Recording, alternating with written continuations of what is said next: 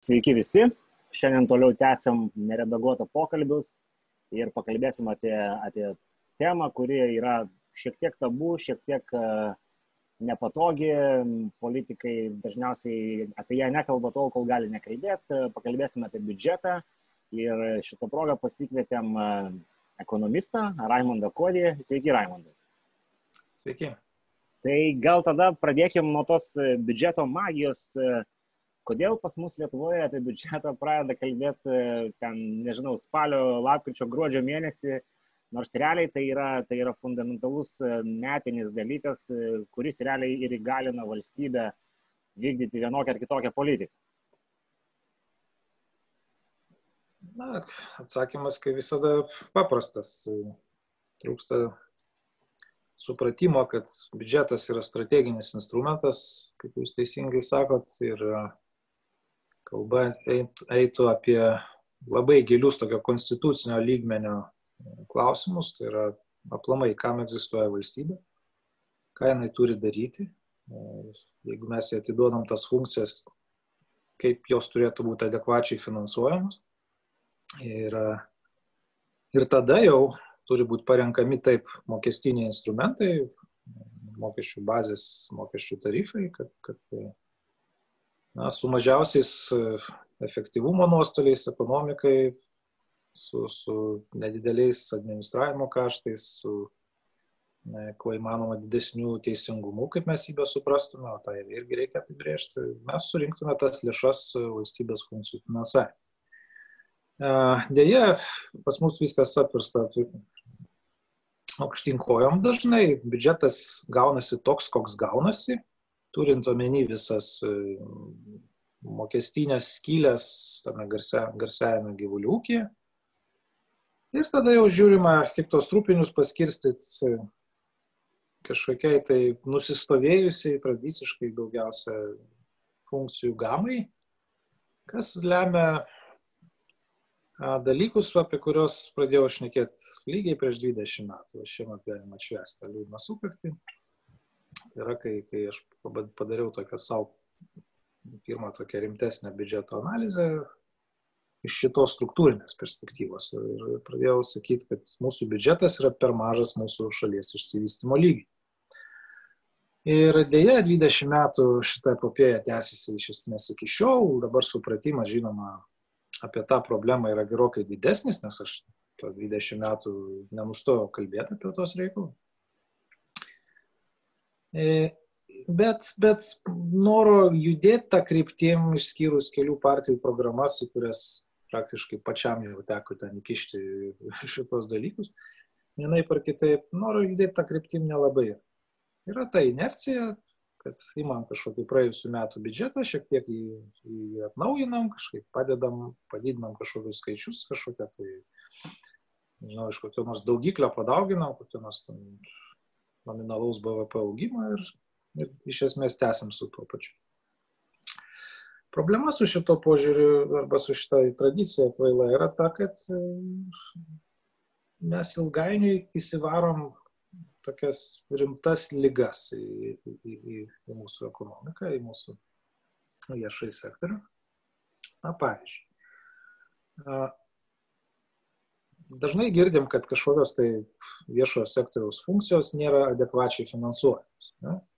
Kad, kad per, per mažai gauna mokytojai metai iš metų, iki neseno laiko jokingas sumas gaudavo kokie nors gydytojai ir taip toliau ir taip toliau. E, ką tai reiškia? Tai reiškia, kad šitie sektoriai po, po, po truputį pradeda eroduoti, labai nemaloniom kryptim pradeda judėti korupcija, e, kokybės kritimas. E, e, šitie sektoriai bando gelbėtis iš tos finansinės sausros labai neskaidriais būdais, kaip, kaip ten koks nors švietimo sektorius, korepetitorių visa industrija tokia šešėlinė turi, sveikatos apsaugoje vokeliai yra milžiniško, kaip sakant, dydžio problema. Ir visa tai kyla iš to, kad kažkada savo laiku politikai netkreipė dėmesio į šitą problemą. E, tai yra ne, nevertino adekvatumo šitų sektorių finansavimo. Ir tada tie sektoriai pradeda judėti, sakau, tom labai nesmagiom kryptim. Na, pavyzdžiui, aukštasis mokslas dabar jau praktiškai Lietuvoje nebėra aukštasis. Tai yra jau, nežinau, kas čia yra, bet, bet vėlgi priežastis galima atsekti finansiniai sausroj, kuri buvo prieš, prieš 20 metų panašiai. Kas yra dabar tas e, finansavimo adekvatumas? E, trumpai. E, na, aš siūlau naudoti kolektyvinį protą iš pasaulio. Savo trūksta, naudokim kolektyvinį iš pasaulio. Na, pavyzdžiui, laikoma, kad geros švietimo sistemos turi mokėti mokytojai maždaug nu, bent jau 30 procentų daugiau negu yra šalies vidutinis darbo užmokestis. E, ir jeigu tu nukrypsti kažkur ar ir vieną pusę, ar į kitą, jeigu vieną pusę nukrypsi per daug mokėsi, na, galbūt būsi neefektyvus ta prasme, kad e, per daug mokė žmonėms, kurie ir taip sutiktų dirbti už, už tos pinigus. Jeigu tu per mažai mokė, tu ilgainiui prisitraukia į sistemą, kaip aš vadinu, tos vidutiniokus tokius į pedagoškės. Paprastai pedagoškio atstovai baisiai už tai ant manęs pyksta, už tokį pasakymą. Bet čia yra specialiai, aš taip darau, tai yra toks nu, lakmuso popierėlis ir mes turim reikalą su pedagoškė. O, tai geras mokytojas yra tas, kuris baigia eilinį universitetą, nebūtinai pedagoškę kažkokią.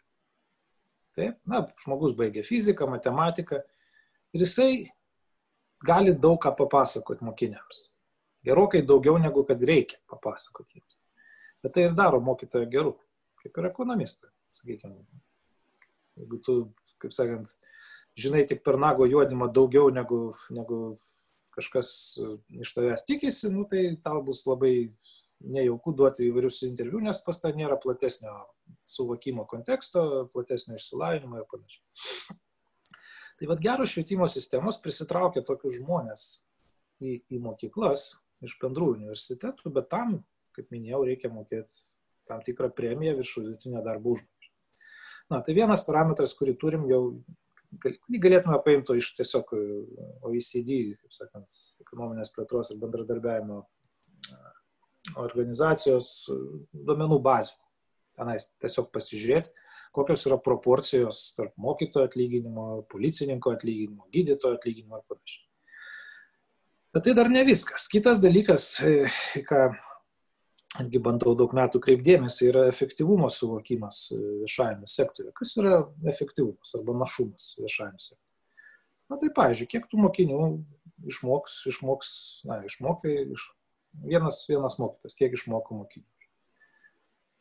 Pas mus ką mes turim? Mes turim dėl tos prastėjančios demografijos e, vis menkantį efektyvumą viešajame sektoriuje, mokyklų sektoriuje, sakykime, dėl to, kad mokinių skaičius vienam mokytojui to lygiai mažėja. Ir mums verkiant reiktų mokyklų tinklo optimizacijos tam, kad, tam, kad turėt bent jau kažkokį panašų į vakarietišką mokinių mokytojų skaičių. Nu, tai turėdami šitas dvi dedamasias, tą darbo užmokestį, santykių su vadovu ir efektyvumo rodiklį, mes juos sudauginę gautume biudžetą, kurio reikia adekvačiam tinklo finansavimui. Ar jūs kada nors matėt vat, panašios tipo analizės, kad vat, jos būtų rudeniniam kažkokiam tai sezonė diskutuojamos politikų? Ne, yra taip, kaip yra. Mokytojai kažkiek gavomės, kažkiek jam pridėsim, bet ar mes esam, kurioje mes pusėje esam nuo to vakarietiško, sakykime, na, normatyvo, kiek adekvatu mokėti mokytojams, kaip greitai mes nuo jo tolstam ar artėjam. Va čia ir yra pamatiniai biudžeto, kaip sakant, darimo, darimo klausimai. Lygiai tą patį pratimą turim padaryti su, su kitom paprastai viešojo sektoriaus dominuojamom funkcijom, kaip sveikatos apsauga arba socialinė Ne? Socialiniai apsaugoje, vėlgi, mes čia su profesoriumi Lazutka nusibodam turbūt visiems, bet vis kartuojam, kad socialiniam reikmėm skiriam vos nedvigubai mažiau procentų BVP negu, negu vakarietiškas standartas būtų. Pasiekmes kokios? Pensininkų skurdas. Norim mes jo, nenorim, kokio mes jo norim. Ar mes jau galim sauliaisti būdama pakankamai išsivyščiusi valstybė, neturėti tokio didelio pensininkų skurdo, kaip turim dabar. Tai, tai va yra rimti, rimti klausimai, kurių, kurių vengia politikai, kaip jūs sakote.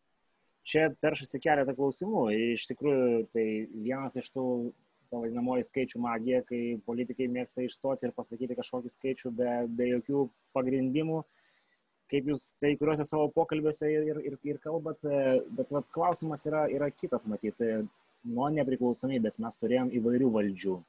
Matyt, nepaslaptis, kad jūs esate labiau į kairę, ta prasme, taip, sakykime, pažiūrose esantis ekonomistas, bet kodėl taip, taip vyksta, kad mes, nu, realiai, sakykime, ar imsim nuo 90-ųjų, ar nuo 2000-ųjų, ar nuo bet kurio kito atskaitos taško, buvo ir kairių, ir dešinių valdžių Lietuvoje, kodėl nes, nesimama tos sisteminės reformos, o kodėl yra toliau, vat, kaip jūs sakot, e, klonuojami biudžetai prieš tai buvę su kažkokiais ten e, daugikliais ir panašiai, bet iš esmės yra neperžiūrima, ar čia kompetencijos toka, ar čia dar kažkas. Mhm.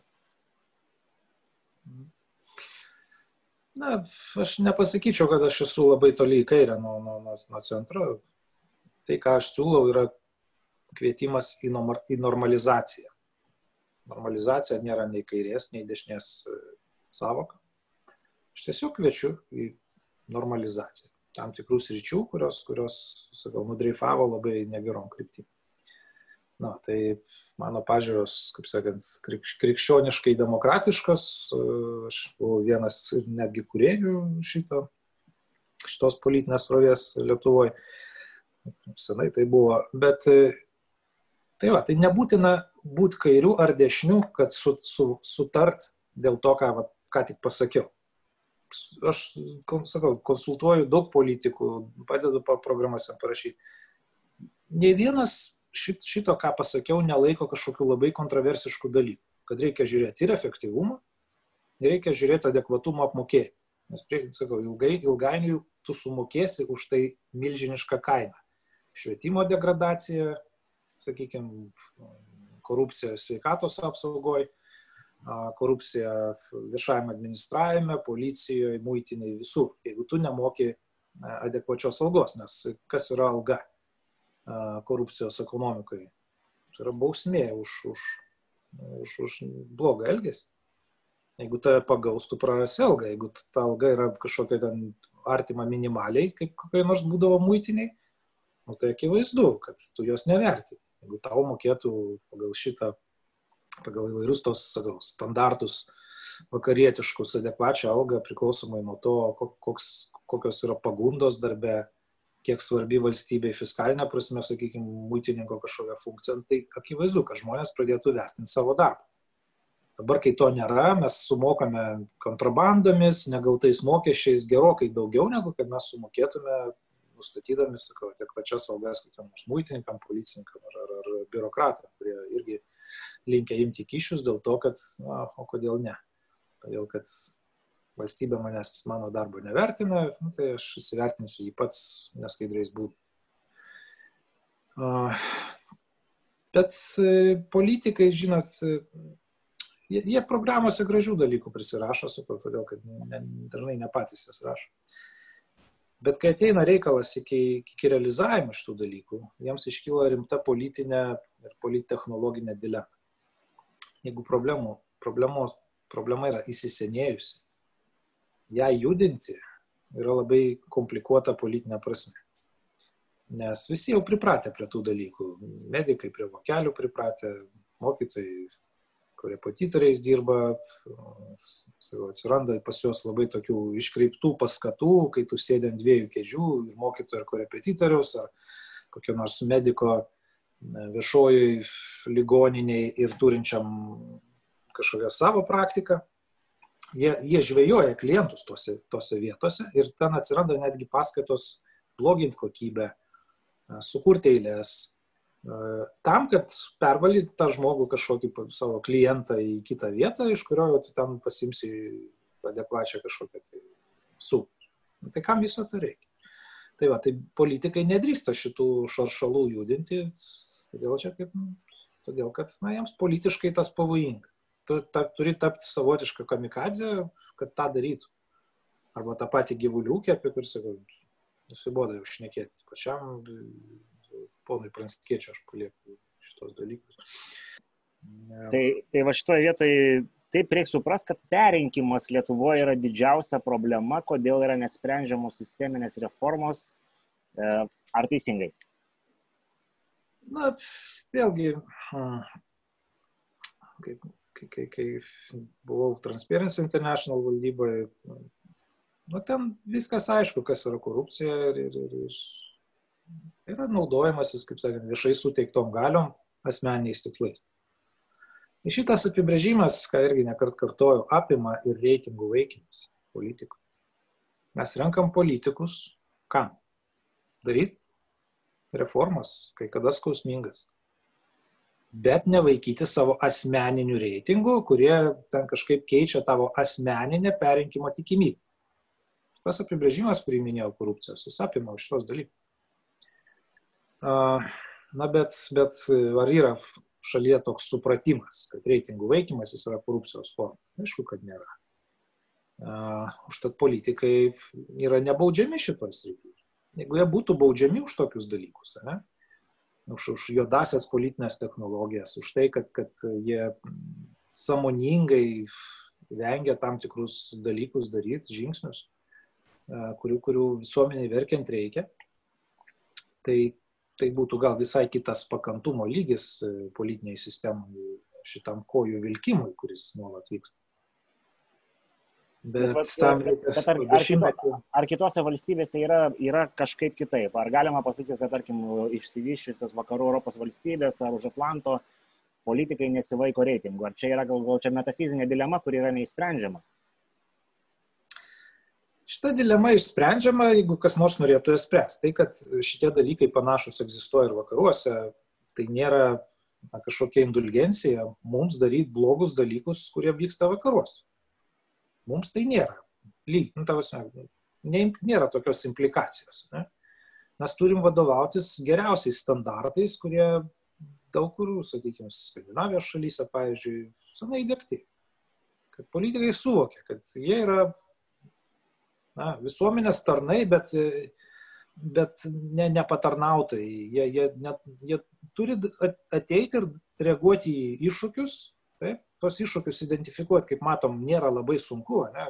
ekonomistai jums gali pridaryti krūvas analizių, kas struktūriškai yra, na, tarkim, anomalija tavo šalyje. Ne? Ir tu tada jau sprendi, ar čia anomalija, ar visi kiti kvailiai, ar tu vienas kvailas.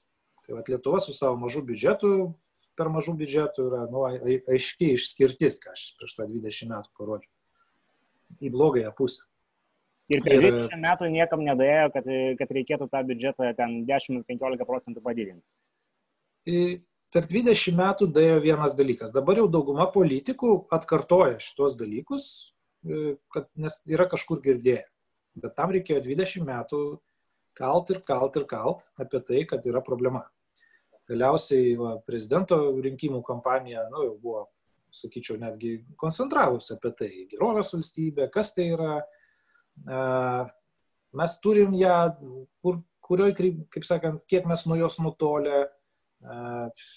Tanas Nausėda apie tai kalbėjo, Ingrida Šimonytė kalbėjo apie socialinį kontraktą naują, kas irgi iš principo tas pats kitais žodžiais. Tai yra, ar mes susitarėm valstybei deleguoti tam tikras funkcijas ir jas adekvačiai finansuoti bet tam reikės galbūt mokesčių reformos, uždarant įvairias skilės, apmalšinant tą gyvuliukį ir panašiai. Bet akivaizdu, kad e, ne, prezident, ne prezidentasgi sprendžia ekonominę politiką Lietuvoje ir gal biški keista netgi, kai, tarkim, Gitanas Nausėda ar Ingrida Šimonytė taip koncentravosi į tą gerovės valstybę, ekonominė prasme, kai realiai tai yra premjerų, premjerų kompetencija ir tai va, turėtų būti kalbama prieš šituos rinkimus, bet kažkodėl dabar yra galbūt akcentai kitur. Tai ar čia tiesiog nėra irgi suplakami dalykai, kad prezidentai kalba apie ekonomiką, o ten Seimo išregi praimai mūsų kalba, žodžiu, apie tai, kaip mes atstovaujame užsienyje. Na, čia dar viena problema, kurią jūs puikiai dabar iliustravote. Kai kalba eina apie politiką, klausimas apie kurią. Kas yra tikroji politika? Na, klasikinė prasme. Tai yra idėjų ir argumentų kova, naudojant logikos taisyklės argumentavime, vengiant, vengiant e, logikos klaidų, ne, kaip, kaip visokių ten ad hominem ar ten panašiai. Čia yra tikroji politika. Šitoj tikroji politikai privalo dalyvauti visi piliečiai, kiek, nu, kiek, kiek, kiek įmanoma. Ir šitoj tikroji politikoje nėra va šitų institucinių detalių, kurias jūs ką tik minėjot. Kas, kas ka, už kažką atsakingas, ar čia premjeras, ar čia prezidentas. Nes čia jau mes pereinam į tą šio laikinį, tokį iškreiptą politikos suvokimą, kad na, tai yra instituciniai galios žaidimai kažkokie. Ne? Ir čia mes vis turim savo teritorijas, jūs čia nelyskit, čia premjero daržas, čia prezidento daržas ir panašiai. Tai vad mes turim užmušti šitą institucinę dimensiją, kiek įmanoma. Ir tada kiekvienas pilietis, jis gali būti kanibalas, nuteistas sėdėti kalėjime, jeigu jis turi gerų idėjų, kaip sutvarkyti gerovės valstybę, mes jį turim išklausyti. Kaip sunku tai bebūtų, aš įsivaizduoju. Va, tai ar prezidentas, ar premjeras, ar ten koks Seimo pirmininkas, ar kažkokie ekonomistai, jeigu mūsų tos idėjos, kurios, sakau, yra dažnai nu, geros, apsvarstytos, subrandintos, 20 metų kažkur augintos, jeigu jos, jeigu šalyje būtų strateginė disciplina, Tai užtektų pasakyti vieną kartą. Ir tada ta idėja praeina procesą, pasakoma taip, ne, pataisom, darom, nedarom. Nereikėtų 20 metų kartuoti tų pačių dalykų. Ir, sakau, tada nebūtų absoliučiai jokio skirtumo, kas kur ką pasakė. Esmė būtų pačioje idėjoje.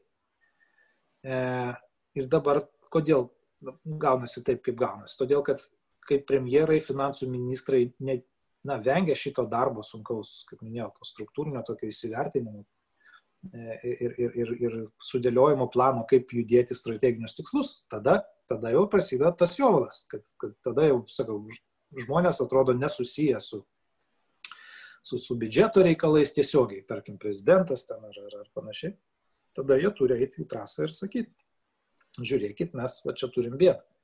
Ir tai, dėl, ir tai nėra blogai. Nu, čia, yra, čia yra antras geriausias pasaulis, kaip sakau, bet nu, geriau tegu jie pasako, nes, nes sakau, tie, kurių tiesioginis darbas yra šitos dalykus daryti, tai yra finansų ministras pirmiausia ir premjeras. Jeigu jie vengia šitų dalykų, nu vis tiek kažkas turi pradėti už juos apie tai kalbėti. Aš irgi nedirbu finansų ministerijoje, kaip sakant, ir gal, galėtų kas nors sakyti, o tai ko tu čia kišiesi į biudžeto reikalus? Todėl, kad aš esu pilietis ir aš gyvenu pagal tą pirmą politikos apibrėžimą. Kiekvienas pilietis išeina miesto aikštę ir, pasako šitos dalykus. Kiti tą gali daryti lygiai taip pat. Na, tai aš supratau, kiek erzelio tas sukelia instituciniai, instituciniai politikoje. Aha, kodėl tu čia tokios pareigas užimi, bet kalbė apie sritį, kuri tiesiogiai tau nepriklauso. Nu, o ką darysi? Kaip sakant, aš manau, kad visuomeniai tai yra geriau, kai, kai, kai mes turim tokią na, konfiguraciją, kai nesvarbu, bet kuris pilietis, jeigu turi gerą mintį, išeina ir, ir sako. Va, bet tam, tam reikia, sakau, strateginės disciplinos, kad, kad, kad ir, ir nurijimo tos karčios tokios piliulės, kad jeigu kas nors pamoko finansų ministrą, jis neįsižeidžia, jisai sako ačiū. Bet įsivaizduokit, kiek, kiek valios tam reikia ir kokio atvirumo smegenyse, kad finansų ministras neįsižeistų dėl kažkokių tai kritikuojančių interviu, o, o, o sakytų, žiūrėkit, puikus interviu, gerai identifikuotos bėdos, sėdam darom. Va, bet čia sakau, čia yra dešimtmečių, dešimtmečius trunkanti kova. Reiškia, nu, kova už, už, už gerą valstybę, už gerovės valstybę, už, už, už tikrąją demokratiją ir už tikrąją politiką. Tai va čia norisi paklausti, gal pas mus yra kažkokia įdinga politinė sistema, gal čia arba čia trūksta politinio švietimo, kur va tos priežastys, kad e, per tiek metų, ta prasme, gal dar kažkokia yra problema, gal, gal verslas ir, ir, ir biurokratija yra suaugę į kažkokį korupcinį darinį ir, ir niekaip e, nepastumiami nuo arenos. Kur tos priežastys, kad e, yra Lietuvoje išveistų žmonių, nu, naudojant tą žodį, ta prasme, kad mąstančių ir turinčių idėjų kodėl jie neatsiduria politiniam laukia? Daug priežasčių, pradedant nuo politikos mokslų, sakykime, ir politikos mokymo, kur, kur mes lik ir primetam tokią cinišką viziją, kad politika yra, sakau, galios kažkokie žaidimai, dažnai purvinom priemonėm, bet, sakau, mes turėtume grįžti atgal. Prieš, prieš šimtmečius buvo daug valstybės vyrų, moterų, kurie buvo laikomi valstybės vyrais ir moterimis. Tai yra žmonės, kurie pasišventė viešajam reikalui, žmonės, kurie nesiekia perinkimo nedarydami kažką, bet netiesiogiai gali būti perrinkti darydami skausmingus dalykus ir, ir sakykime, protinga visuomenė tada įvertina šitos darbus. Tai yra drasus žmogus, jis padarė tai, ko reikėjo. Kokia nors naktinė reforma vidury krizės, kaip skausminga tai bebūtų, ar panašiai. Va, bet kai, kai pas mus sakoma, kad politikos tikslas yra gale, valdžia, nu, kas suponuoja perinkinėjimą, tai mes ir turim vaikymas reitingų, bandymą nedaryti tą, kas reikia daryti, tikintis, kad tokiu būdu išplauks į sekančią kadenciją. Bet kaip dar kartą pakartosiu, tai yra korupcija. Tai yra korupcijos forma, viena dažniausiai. Ir jinai yra toleruojama, šita korupcijos forma. Tiek, tiek, prasakau, pradedant švietime, kas yra politika, tiek, tiek, tiek praktiniai politikoje. Jinai yra toleruojama. Va čia yra, manau, pagrindinės dvi, dvi bėdos, kurias mes turim ilgainiui pasikeisti. Kad politikas neteitų būti perinktas. Jis sakytų, aš ateinu padaryti darbus, kurių reikia. O po to jau perinks mane ar neperinks, na, visuomenė žiūrės. Pavyko čia man, nepavyko. Žinoma, visuomenė irgi nėra gerai informuota apie, apie, apie politiką, jie daro tokius labai keistus sprendimus, jie nėra pasveriantis giliai ir sekantis tą, tą viešai gyvenimą, daug emocijų tenais, daug, daug žiniasklaidos, daug, daug visokių šokių, ledų barstymų ir visa kita. Nu, ką padarysi, nesam visuomenė nėra irgi tobula šitoj, šitoj pusėje, bet, bet sakau, tie tikrieji politikai turi ateiti susideginimui, ne, ne, neperinkime toks e, netradicinis jūsų požiūris šią prasme, matyt, e, politikais deginimas e, jiem nekelia labai daug teigiamų emocijų. Tai ką ta visuomenė gali padaryti, ką mes kaip visuomenė galim padaryti, kad, kad politikai pasikeistų, nes prie ko aš linkiu. Sistema politinė yra pakankamai įsitvirtinus, finansavimo dalykai, barjerai, ten struktūriniai elementai.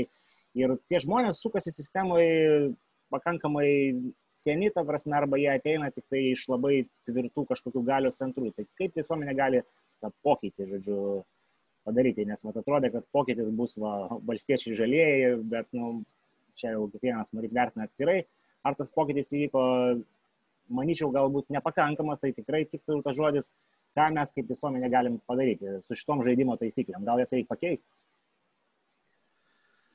Na, aš, kaip sakant, mėgstu irgi pašposit ir, ir šmaikščiai papasakoti apie dalykus, tai aš pradėjau naudoti tą, tą terminą tokia žiedinė, bet lėkinė politika. Mes žinom tokią žiedinę, bet lėkinę ekonomiką, kaip sakant, su, su atliekų perdirbimu. Tai politikai vyksta panaš, panašus dalykai. Atlikos perdirbamos ir gražinamos į sistemą. Ne? Na, pavyzdžiui, sakau, aš buvau narys vienos partijos, krikščionių demokratų, tas ankstyvasis. Ir aš nekeičiu pažiūrų, dar, aš galiu jas pakeisti tais atvejais, kai mane kas nors kitaip įtikina, faktai kažkokie ar panašiai, bet aš manau, kad na, aš niekada netapčiau ten kokiu nors e, fašistų su pakelu lakstančiu, po to perbėgčiau į socialdemokratus, vaidinčiau kažkokį kairįjį tada pabūčiau kažkokiu liberalu, kuriam ten rūpi kanapės ten ir, ir nelabai daug kas. Nu, bet kiek mes, pažiūrėkit, politiniai sistemai turim tokių žmonių, kurie ne tai, kad pakeitė po kelias partijas, bet pakeitė jas iš visiškai diametralių to ideologinio spektro kampų. Gal žmonės subrendo? Su šituo reikia, su šituo reikia kovoti, nes tai yra, tai yra žmonės, kurių, kurių vienintelė ideologija yra oportunizmas. Kas pasiūlė ką, einu tenais, nesvarbu, kokios mano pažiūros, dažnai jų net neturi. E, jie gali pabūti bet kuo, sakau, liberalų, fašistų, kokiu nors marksistų, dar kažkuo. Tai vat, mes turim, aš manau, kad čia reikiama šitos reformos. Mes turim sustabdyti šitą, šitą atliekų perdirbinėjimą. Nes priešingų atveju visuomenė pradeda e, na, nusivilti, jie mato tos pačius veidus, bet kodėl juos mato? Todėl, kad per tą sąrašų sistemą tie žmonės metai iš metų yra Seime ir perbėginėja partijas kadencijos metu ir panašiai. Tai vat, jeigu mes uždarytume šitą perbėginėjimą arba jį smarkiai apribotume. Bet manau, kaip, žmonės atsitiktų. Kaip galima uždrausti žmogui keisti politinę partiją arba, tapti, arba būti oportunistu? Nu, čia sudėtingas e, dalykas. Tai daroma uždraudimo būdu, žinokit. Daug dalykų daroma uždraudimo būdu. Draudžiama važinėti be, be saugos diržų. Ir ką? Draudžiama. Kodėl? Todėl, kad visuomenė pasidarė kaštų naudos analizę ir pasakė, nu, žinokit, taip reikia daryti. Ką padarysi? Mes, mes turim kaštus ir naudą šit, šitų reiškinių. Bet man atrodo, kad kaštai jau gerokai viršė, viršė tą naudą. Tai jeigu tu jau esi kažkokioj partijoje, nu, tai jeigu tu tikrai esi tikras politikas, pažiūrų nekaitaliojantis pagal tai, kas, kas, kas daugiau moka, tai tu būk toj partijai. Gal ta partija išskris iš Seimo, tvarkoj, daryk, analizuok klaidas, e, siūly kažką naujo, laimėsi gal kitose rinkimuose. Bet tai, kad kaip tos procesas, kaip vyksta dabar, kai jau bėgančios pelės e, prieš, prieš Seimo pabaigą, reiškia, e, žiūri, o kas čia duos kokią kažkokią vietą kitoj vietoj. Čia yra oportunizmas. Oportunizmas turi būti draudžiamas. Suprantate, politikoje. Nu, Aš suprantu, kad skambu dabar kaip kažkoks čia draudimų šalininkas ir panašiai. Gal dėl to čia kai kas ir painioja mane su kairiuoju. Bet draudimai yra, ne, jie neturi gimti, taip sakant, plikoje vietoje. Draudimas turi būti apsvarstytas. Užpliu, prieš, nu, nu ką, draudžiam dabar masinius susirengimus čia pandemijos metu. Nu ką, nudraudžiam, taip, todėl kad taip yra geriausia. Taip saugom save nuo, nuo, nuo rimtų problemų. Tai va, ši, ši, ši, šitas klausimas, ar jisai būtų pasiekiamas e, politikus renkant vienmandatį, ar tam reikia, tasme, sumažinti patekimo į Seimą laiptą, kad visi maišytųsi, ar tiesiog likti prie, nežinau, dvipartinės sistemos, kokie yra tie praktiniai būdai, at, iš šono žiūrint, kaip tiksliųjų mokslo atstovai, kurios būtų galima įnešti į sistemą. Vėlgi, čia jau, čia jau būtų, kaip sakant, detalių išpildymo, užpildymo, kaip sakant, procesas, kuris na, ir taip vyksta tam tikrų mastų. Čia nesenai turėjom debatus, kaip sakant, vieni siūlė sumažintą patekimo į Seimo kartelę. Irgi ne dėl to, kad labai giliai to tiki, tiesiog oportunizmas jiems, supon, nu, kaip sakant, siūlė, siūlė tą daryti nes, e, kaip sakant, valdantieji nori išlaikyti valdžią tam jiem reikia, kad į Seimą patektų kuo daugiau šiukšlių politinių, nu, tų visokių smulkių dalykų, smulkių partijėlių, kurios, iš kurių būtų galima sulibdyti vėl kažkokią daugumą. Na, matėm, sakant, prezidentas pasakė principingai, kad jeigu tą ir darom, tai tikrai ne, ne, ne šitiems rinkimams, nes tai yra žaidimo taisyklių kaitaliojimas procese dėl ko vėlgi turbūt visuomenė visa sutartų, kad taip, taip nedora daryti, negalima. Savo, kaip sakant, kurtis taisyklės. Bet tų šiukšlių užtenka ir dabar, su 5 procentais atsiranda pakankamai, kai reikia pridurti, jų yra. Tai, tai klausimas, gal daugiau šiukšlių čia įneštų kažkokios uh, samišio ir, ir reiktų pasistengti ir sėsti prie stalo ir mąstyti galbūt tiem rimtesniem politikam, norint uh, kažkaip tai išlaikyti tą koaliciją. Na, aš manau, kad vėlgi turim žiūrėti, ką, ką, ką daro išsivystęs pasaulis. Visi praktiškai turi tas, tos lenkščius, visi jie yra panašus į mūsų. Bet yra valstybės, tokios kaip Suomija, kaip Olandija, jos turi arba neturi, arba turi labai mažus. Taip kad čia esmė, yra tų pavyzdžių, e, kurie yra nu, galbūt kiekvienoje sistemoje pagal savo tą poreikį sukonstruoti. Tai tiesiog pas mus ta sistema, kai buvo sukurta 90 antrais, e, jeigu neklystu, ar trečiais, jinai tokia ir, ir, ir palaikoma. Tai yra prisidengiama, kad mes čia esame brandi demokratija, jau brandi demokratija žaidimo taisyklių nekeičia. Bet nu, ar mes tikrai jau tokia brandi, lyginant ten su tikrai brandžiom demokratijom, tai čia iškyla matyti klausimas. Sakau, aš nelabai ne, ne matyčiau kažkokios erdvės didelės e, rinkimų sistemos tokiam drastiškam reformavimui, nes jeigu mes paliksim vienmandatininkus, e, yra tikimybė, kad, kad e, mes ten surinksim į Seimą žmonės, kurie geriausiai pasirodė kokioje nors kakadų laidoj, yra gerai žinomi.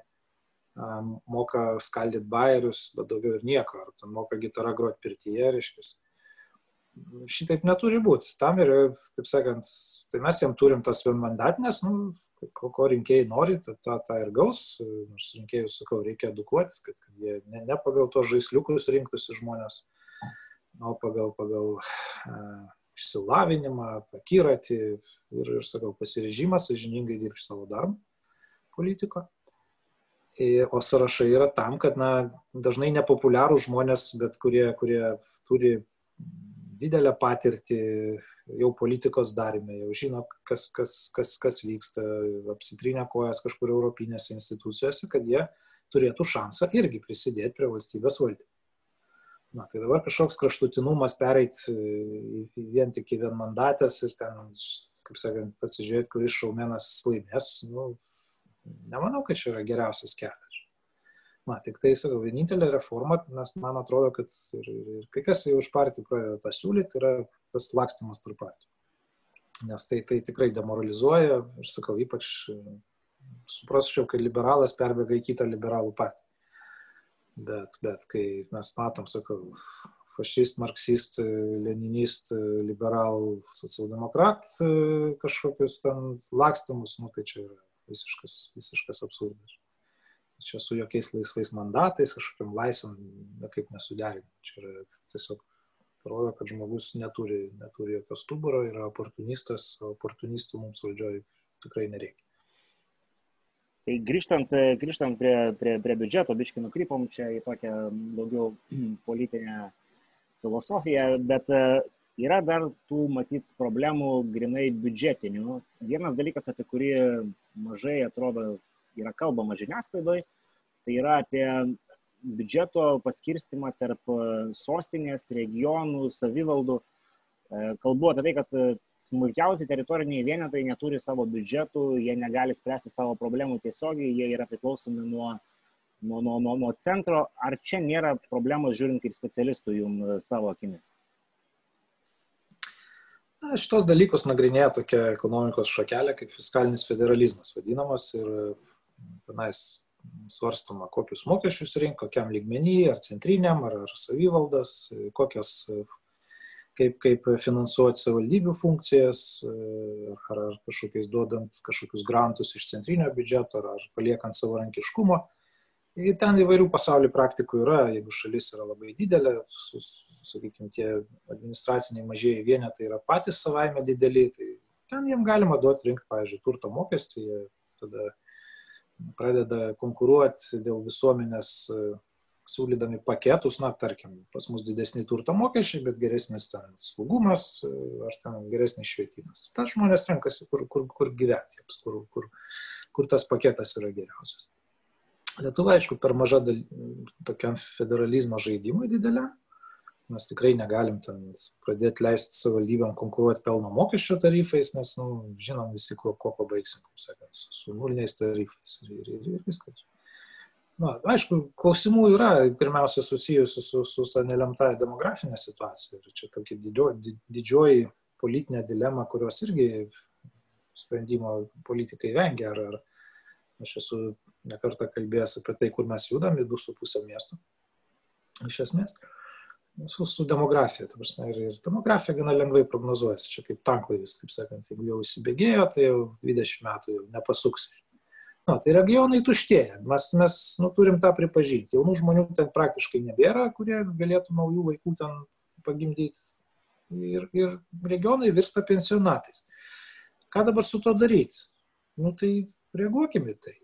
Jeigu vyroja rajonuose kažkokie senyvo amžiaus žmonės, tai ką mes darykim? Darykim taip, kad jiems būtų lengviau nugyventi tos likusius metus. Ko jiems reikia? Slaugos, taip, ilgalaikės dažnai slaugos. Reiškia, ir, ir jeigu mes paversim kažkokias ten operuojančias, kabutėse, ligoninės centrais, kurie, kurie padės e, senyvo amžiaus žmonėms, tai bus, būtų normalus dalykas. Taip? Bet e, Mes matom, kiek pasipriešinimo sukuria ne, tiesiog išsižiojimas, kad tu gali uždaryti kažkokią ten ligoninę ir panašiai. Ar kokią nors mokyklą pustuštę, kuri pustuštė todėl, kad nebėra vaikų. Va, tai fiskalinis federalizmas mums pasako, kad e, vieną tokią didelę, didelę išvadą gali siūlo, reiškia, yra milžiniška klaida atskirti funkcijų, funkcijos finansavimo šaltinius nuo, nuo sprendimų, kokias funkcijas išlaikyti. Kaip Lietuvoje yra.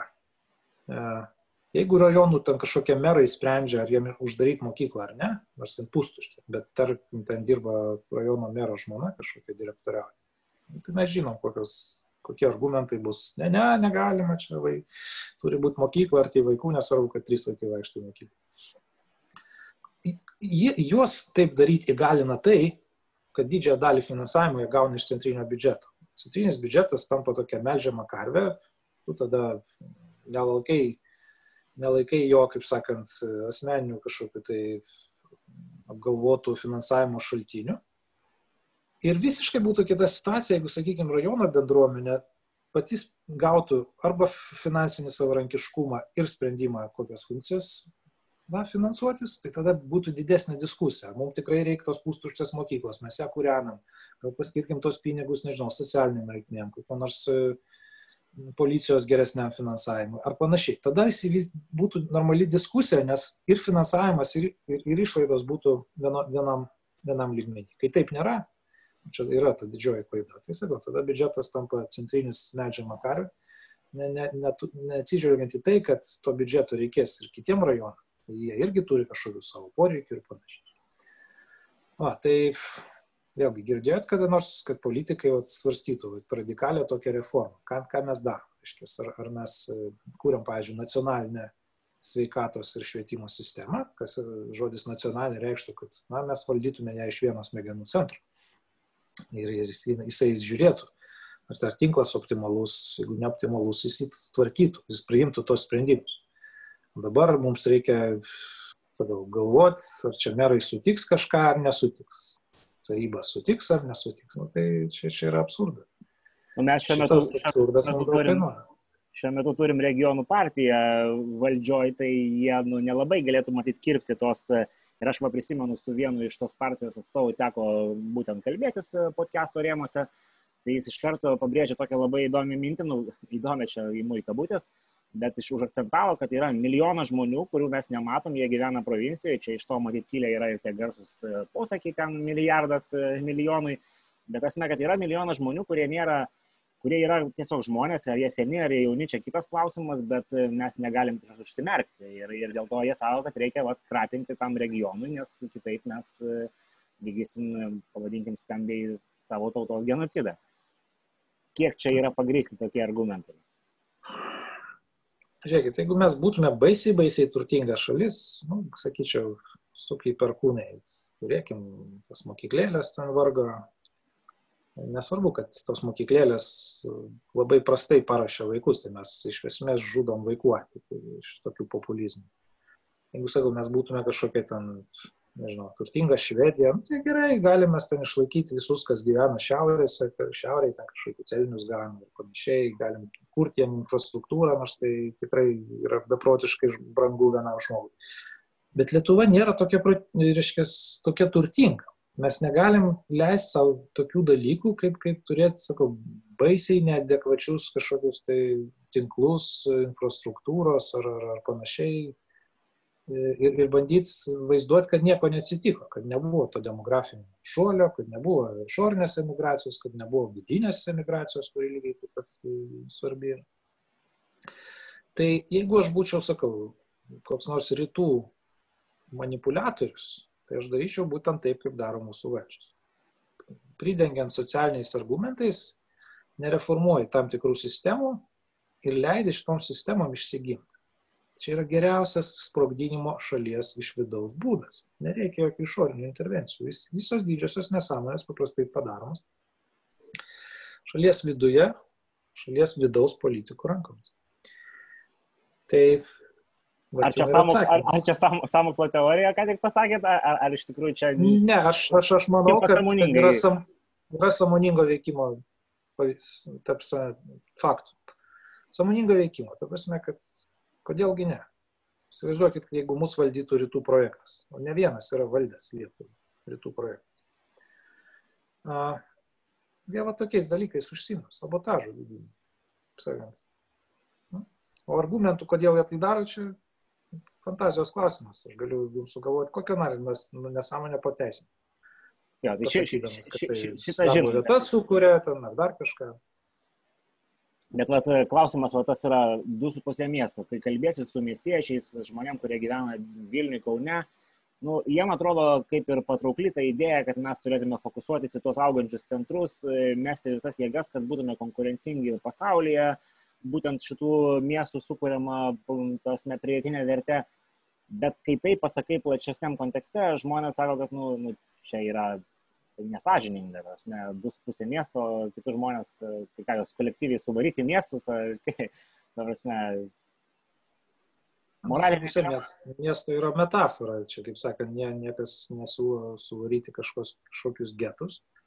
Čia yra tiesiog realybės konstatavimas, kad mes judame į tokią sistemą. Bus du didėjai miestai ir tas pusė, aš net neįvardinu jo, kas, kas tas pusė, bet nu, tiem, kam geriau pasiseks, aiškiai. Ar laimės dalykai čia įsipins kažkaip. Bet, sakau, objektyvi realybė yra tokia. Jaunų žmonių regionuose praktiškai nėra kaip jūs dabar pasiūlysit gražinti jaunus žmonės. Jeigu jums, jums atrodo, kad man, man tas pasakymas 2,5 miestų labai patinka, jis man žiauriai nepatinka. Taip, aš irgi norėčiau labiau, sakykime, demografiškai, na, stabilesnės tokios struktūros, man irgi norisi išlaikyti gražų kraštovaizdį, kad, kad šalis neapauktų piržolėm, tam beje egzistuoja bendroji Europos žemės ūkio politika, kur, kur Europą galėtų maisto nesiauginti per daug čia, nes neturi didelių pranašumų tame. Na, bet yra samoningas veikimas, pasakant, gerai, mes mokam subsidiją žemės ūkiui, jie sėdės tenais, prižiūrės tą kraštovaizdį, prižiūrės puoselės kultūrą liaudės, kuri ten geriausiai išsilaiko, mačiutės, mėgs tautinius rūbus. Tvarkoj, bet tam mes turim turėti aiškę politiką regioną. Dabargi mes žaidžiam tokį, na, žaidimą, kad, ai, duodam visiems vienodai dėl daugiau mažiau dėl šventos ramybės, ištrinkelizuokim tos, tos kaip sakant, sugriuvusius kaimus, nes daugiau fantazijos nėra kam leisti, reiškia, nu, aišku, Lietuvoje fantazijos netrūks, taip aš minkštieji projektai, čia, sakant, cvirkos paminklus kažkokius finansuojam, čia diskusijas, tai čia moky, dabar medikų naujausias mokymai, kad, kad kodėl kyšių nereikia imti. Nu, tai aš jau, kai jau fantazija baigėsi, tuoj pradėsim, sakau, saugusius žmonės mokytis, mokyti barzdą nusiskūžinai, dar kažką už, už milijonus, nes nu, kažkas prastumė tokius projektus. Man teko girdėti iš, vien, iš vieno kairiojo, kad mes šitą problemą galėtume, nu čia kairysis, tas, ne, toks, sakykim, taip, suredukavus pasiūlymą, kad va, maždaug parodoma į ten Didžiąją Britaniją, Prancūziją ir sakoma, va, jie turi puikias susisiekimo sistemas ir tada žmonės gali gyventi 200 km nuo miesto, dirbti ir vis problemos išsprendžiamas. Kaip jums va tokios fantazijos atrodo? Ne fantazija, čia yra dalykas, kurį pats esu siūlęs, kažkada buvo finansų ministerijoje toks forumas apie valstybės investicijų kryptis naujoji finansinė perspektyva. Tai aš lygiai tos dalykus ir kalbėjau, kad, tavarsime, kad vietoj to, kad bandyt ten tempt už skvernų kažką į regionus, kažkokią tai investicijas, ten gamyklas, nu, gali tą daryti, bet šansai nėra dideliai, suvokite, ne? nes verslas jisai puikiai suvokia, kad jo ateitis priklauso nuo dviejų dalykų. Tai yra vidaus paklausos perspektyvų, jeigu tai yra verslas, kuris orientuotas vidaus paklausą. Ir, ir darbo jėgos perspektyvų. Hmm? Tai tu, kaip sakant, niekas tau nedraudžia atsidaryti kažkokiam kaimelį ten superinį restoraną, bet ten nebus nei valgančių, nei dirbančių jame, iš esmės. Ne? Ir to, to viskas baigsis. Nu, tai kodėl, kodėl atsakymas, reiškia, klausim, dažnai klausiu, kodėl miestuose brangesnė darbo jėga, bet didžioji dalis investicijų čiuožia į miestus. Tai todėl, kad ta darbo jėga brangiai jiems yra nedidelė ne problema, reiškia, jeigu žmogui daug mokė, bet jis daug išleidžia, tai tau tie pinigai sugrįžta kaip verslininkas. Bet tu turi stabilesnę darbo jėgos perspektyvą, daugiau jaunų žmonių, daugiau išsilavinusių žmonių. Tai regionuose šito nėra. Nu ką padarysi, nėra. Nieko čia turbūt ir nelabai pakeisi, nebent kažkokias milžiniškas lėšas mesi iš šitos vilties, kaip sakant, patestavimą. Tai todėl geres, geresnis variantas yra iš tikrųjų svarstyti apie a, transporto infrastruktūrą, galbūt netgi ją subsidijuoti, kad tie žmonės iš tų mažesnių miestelių kažkokių ten, kur nėra tų darbų, nėra tų gamyklų, važiuotų užsidirbti kažkur ryte į miestą, ten kokį nors ten, tarkim, 30 km, kas, kas nėra čia baisiai daug, bet jis nebrangiai nuvažiuoja ir grįžta, reiškia, ir, ir, ir, ir jam tikrai apsimokėtų na, toks, toks veiklos modelis to tam žmogui. Nu, tai čia, čia vat, būtų tikrai jau tada rimta šneka apie tai, ką daryti su, su tais dar likusiais regionuose darbingo amžiaus žmonėmis. Dabar, sakau, yra tokio bandymo žaisti regioninę politiką, nes, nes sakau, panašu, kad rinkėjams čia kažkaip gal tai patiks ar ne. Jie pasidaro tam tokius sociologinius tyrimus ir sako, nu, mes dabar sakysim sakinį A, kaip įdomu visuomenė jį reaguos. Pozityviai, nepozityviai, fokuso grupės, nu tai vad prasideda ta didžioji pornografija politikoje, reiškia, kai polittechnologai pradeda, e, reiškia, ir sociologai uždavinėti agendą, ko, ko, iš viso klausti, apie ką nešnekėti ir, ir taip toliau, ir taip toliau. Na, tai, tai vad mes taip ir gyvenam. Gyvenam, kaip sakant, polittechnologų valdomai valstybėje. Bet va šitą mintį, šitą, šitą mintį tęsiant apie infrastruktūrą, tas mes susiekimo, va pats minėjot, tasme, kad mes nesam Švedija ar Norvegija, kurie galėtų melnių augintojus šiaurėje, ta prasme, ten kažkaip integruoti. Tai va, ar klausimas, ar pagal tą kaštų naudos analizę, ar geriau yra tokios didelės investicijos į tos struktūrinius tasme, susisiekimo projektus, ar kažkaip kitaip traukti tos žmonės į miestus, kur jau infrastruktūra yra sakykime taip, ir, ir, ir nereikia tų tokių didžiulių, didžiulių investicijų. Žmonių traukti nereikia, žmonės patys e, savo elgseną parodo, kad e, jie ieško išeičių iš tos prastos e, tokio uždaro rato situacijos regionas. Mes sakau, jauni žmonės išvažiuoja, krenta paklausa, krenta paklausa, didėja vidutiniai kaštai, masto ekonomija dinksta, verslai žlunga, žlunga, žlunga ir galiausiai nebėra kam netgi kam įdarbintų žmonių, kurie dar liko. Tai, tai mes matėm emigracijos bangas į, į vakarus ir matėm emigracijos bangą į Vilnių.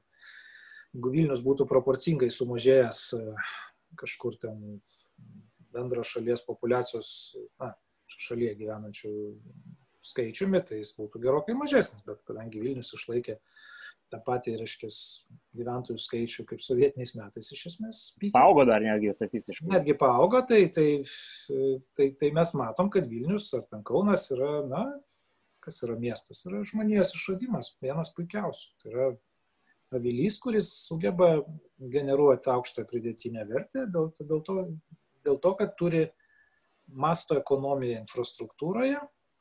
Pati infrastruktūra patarnauja daug, žmonių, daug, daug žmonių reiškia, mes turim masto ekonomiją komunikacijose, tai yra kaip, kaip susirasti kažkokį užsiemimą gyvenant mieste žymiai lengviau, tų, tų, tų nišų gali surasti, ko žmonėms reikia ir panašiai. Reiškia, tai, nežinau, kokiam nors New York'e jūs dar rasit žmonių, kurie remontuoja faksus kokios nors Panasonic firmos. Todėl, kad masto ekonomija yra tokia, kad dar kažkam reikia tokių paslaugų. Na, tai, tai vat, miestas leidžia išgyventi labai daug, daugeliu žmonių, ne, iš esmės net nekeičiant įgūdžių arba keičiant juos labai, labai lietai ar, ar, ar nu, gerai, tas žmogus nustos remontuoti ilgainiui faksus, ten pradės remontuoti kokius nors laidinius senus telefonus ir panašiai. Nes dar kažkas nori pasukti, pasukti skaičiukų. Nu, regionuose mes to nebeturim. Ten masto ekonomija veikia į priešingą pusę su tos magrešiu, kurį minėjau. Tai yra paklausos nėra, nėra paklausos, nėra darbų, nėra darbų, nėra paklausos, uždaras ratas. Na, va, turint omeny, kad ten gyvena pensininkai daugiausia gaunantis tas mažas pensijas grįžtant prie biudžeto, tai ratas užsidaro galutinai. Na ir, ir jokių prošvaiščių iš esmės nu, nesimato, sakau, su retom išimtim nes, nes sakau, demografiniai skaičiai yra visiems viešai prieinami, tai tiesiog matai, kiek yra jaunų žmonių, kurie dar gali gimdyti vaikus ir jų dramatiškai yra sumažėję regionas smarkiai. Ir nežinau, kas turi atsitikti, kad tie žmonės ten sugrįžtų gyventi, kurti kurt savo gyvenimus. Nežinau, kokia nors pandemija didelė, privers visus karantinuotis kaimuose, čia sodybų dabar žiūriu, visi prisipirko. Neškės pasąmonėje matyti tiki, tikisi žmonės, kad čia ne, paskutinė pandemija, reikės ieškoti kažkokio saugesnio prieglupščio.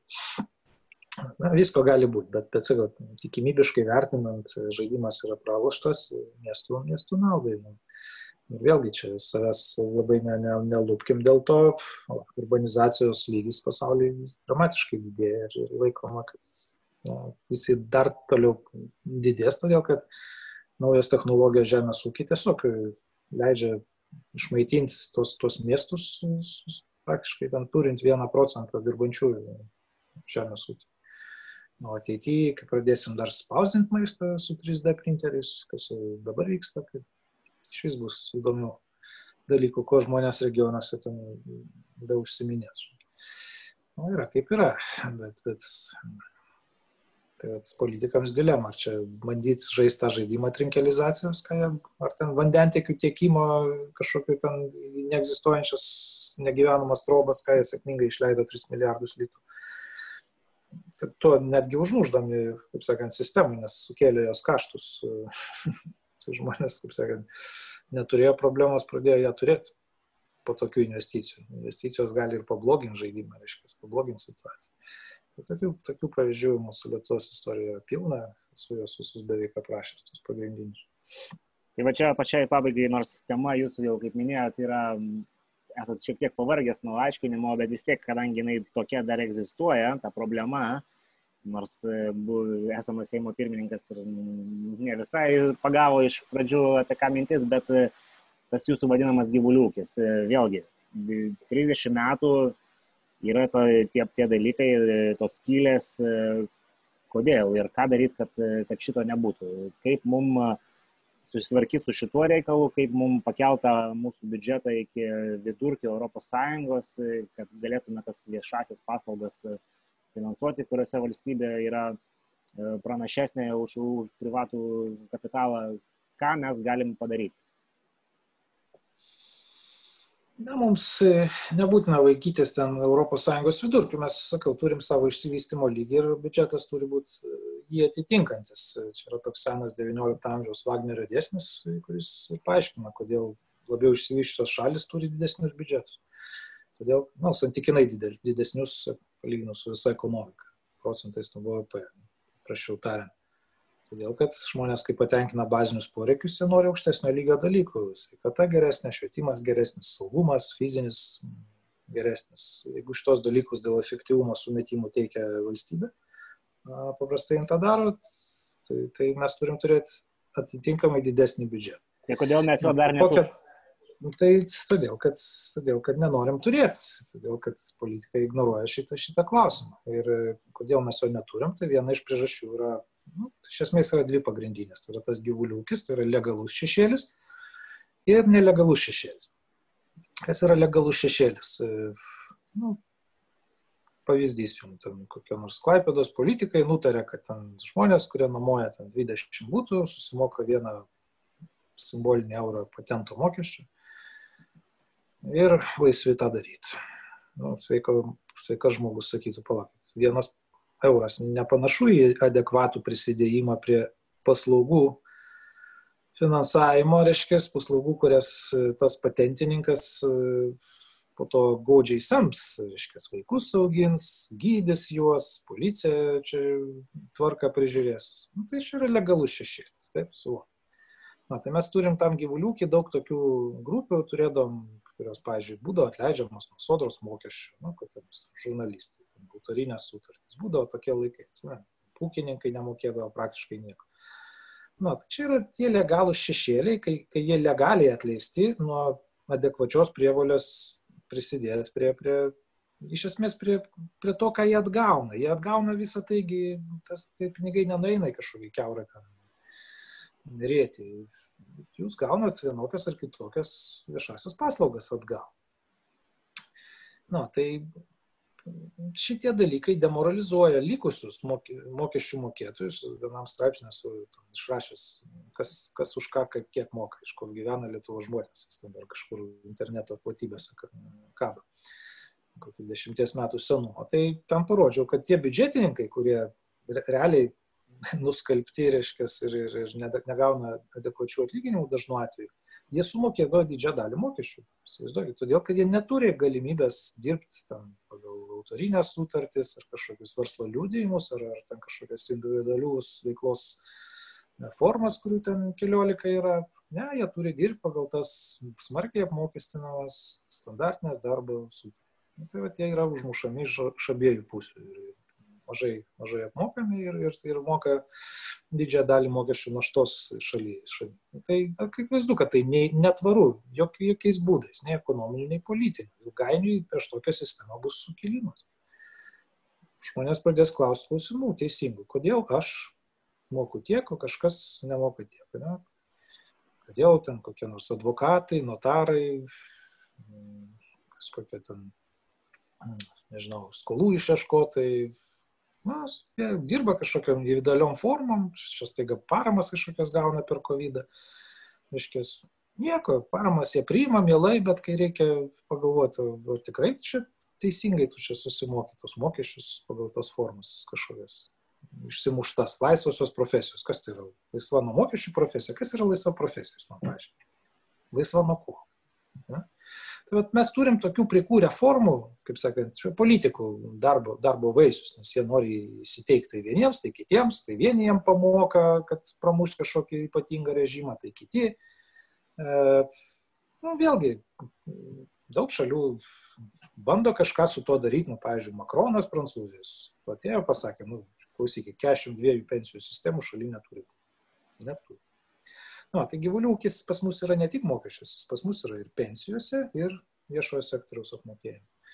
O čia trys, trys milžiniški gyvuliukai, su kuriais, sakau, nelabai kas nori prasidėti, nes lieks daug skiedrų, bus čia daug nepatenkintų, žinoma, kurie, kurie gauna tas privilegijas. Bet jeigu mes jų nesutvarkysim, tai sėkmingos valstybės nesukursim. Na, turim tą pripažinti.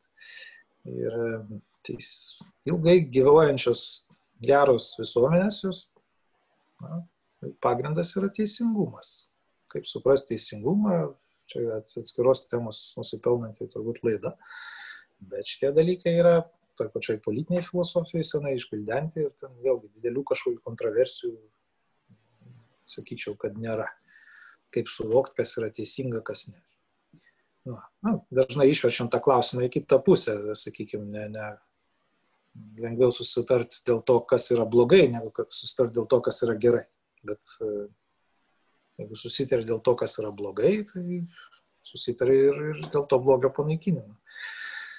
Tai, tai, tai nežinau, 30 metų valstybei šitai naujausiai, sakyčiau, pats laikas grįžti prie, prie pamatinių dalykų, nors jie didelių atvejų turėjo būti išspręsti konstituciniais būdais konstituciniais įstatymais, pačia konstitucija ir taip toliau. Apimant šitos pagrindinius klausimus, kas yra teisingumas, kas yra solidarumas, kaip mes konstruojam ten kokias nors pensijų sistemas, kurios tam paremtos tarp kartiniais ekonominiais santykiais ir, ir tikėjimu. Šitie dalykai, na, nebuvo sutvarkyti savo laiku. Konstitucijoje pilna žodžių nemokamas, nors ekonomistai tokio žodžio iš vis neturi, pas mus nemokamas reiškia, kad sumoka kažkas kitas. Tai ir įvardinkim, kas tas kitas. Pas mus dažnai išnekama, apmokės valstybė. Palaukit, valstybė negyva, jinai šiaip kaip stalas, ne, ne, ne, neturi valios ir sąmonės, kad apmokėti kažką. Jeigu jūs nedrįstat įvardinti kitų mokesčių mokėtojų, kurie štai pamokės, tai žinau, kodėl jūs to nedrįstat padaryti, todėl kad vėlgi politiškai tai yra komplikuota. Tai geriausia nurašyti kažkokius dalykus ant negyvų daiktų. Skamba kaip šizofrenija. Taip, tai yra. Taip, na, čia yra jau psichiatrų, kaip sakant, dėmesio objektas. Šitoje šalyje visi normaliai išneka valstybė, valstybė, valstybė. Ekonomistas sako, visa analizė turi būti antropocentriška. Žmonių grupės yra naudos gavėjai, nukenčiantis nuo kažkokios politikos, bet ne, ne kažkokie stalai, valstybės socialinė sfera, ten ar dar kažkas.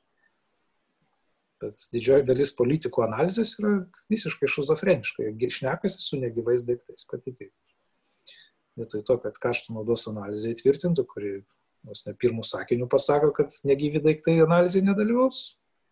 Hmm? Ir tada pasistengit identifikuoti grupės, kurios laimė ar pralaimė. Politikai vengia, vengia šito dalyko. Ir vėlgi čia tema, kurią virš 20 metų, kaip sakant, bandau stumti civilizuoti šalį šito, šito požiūrį, nes praktiškai visi jau turi kaštų naudos analizės svarbesniem dalykam. Pas mus kažkaip muistasi, muistasi ir taip ir nepadaro, nors vėlgi programas mielai įsirašo. Tai matyti šituo civilizuojančiu tokiu jūsų, žodžiu, išstojimu, matyt, ir, ir, ir baigiam, nes realiai ta tema, matyt, yra gerokai gilesnė, kad tilptų į valandą laiko.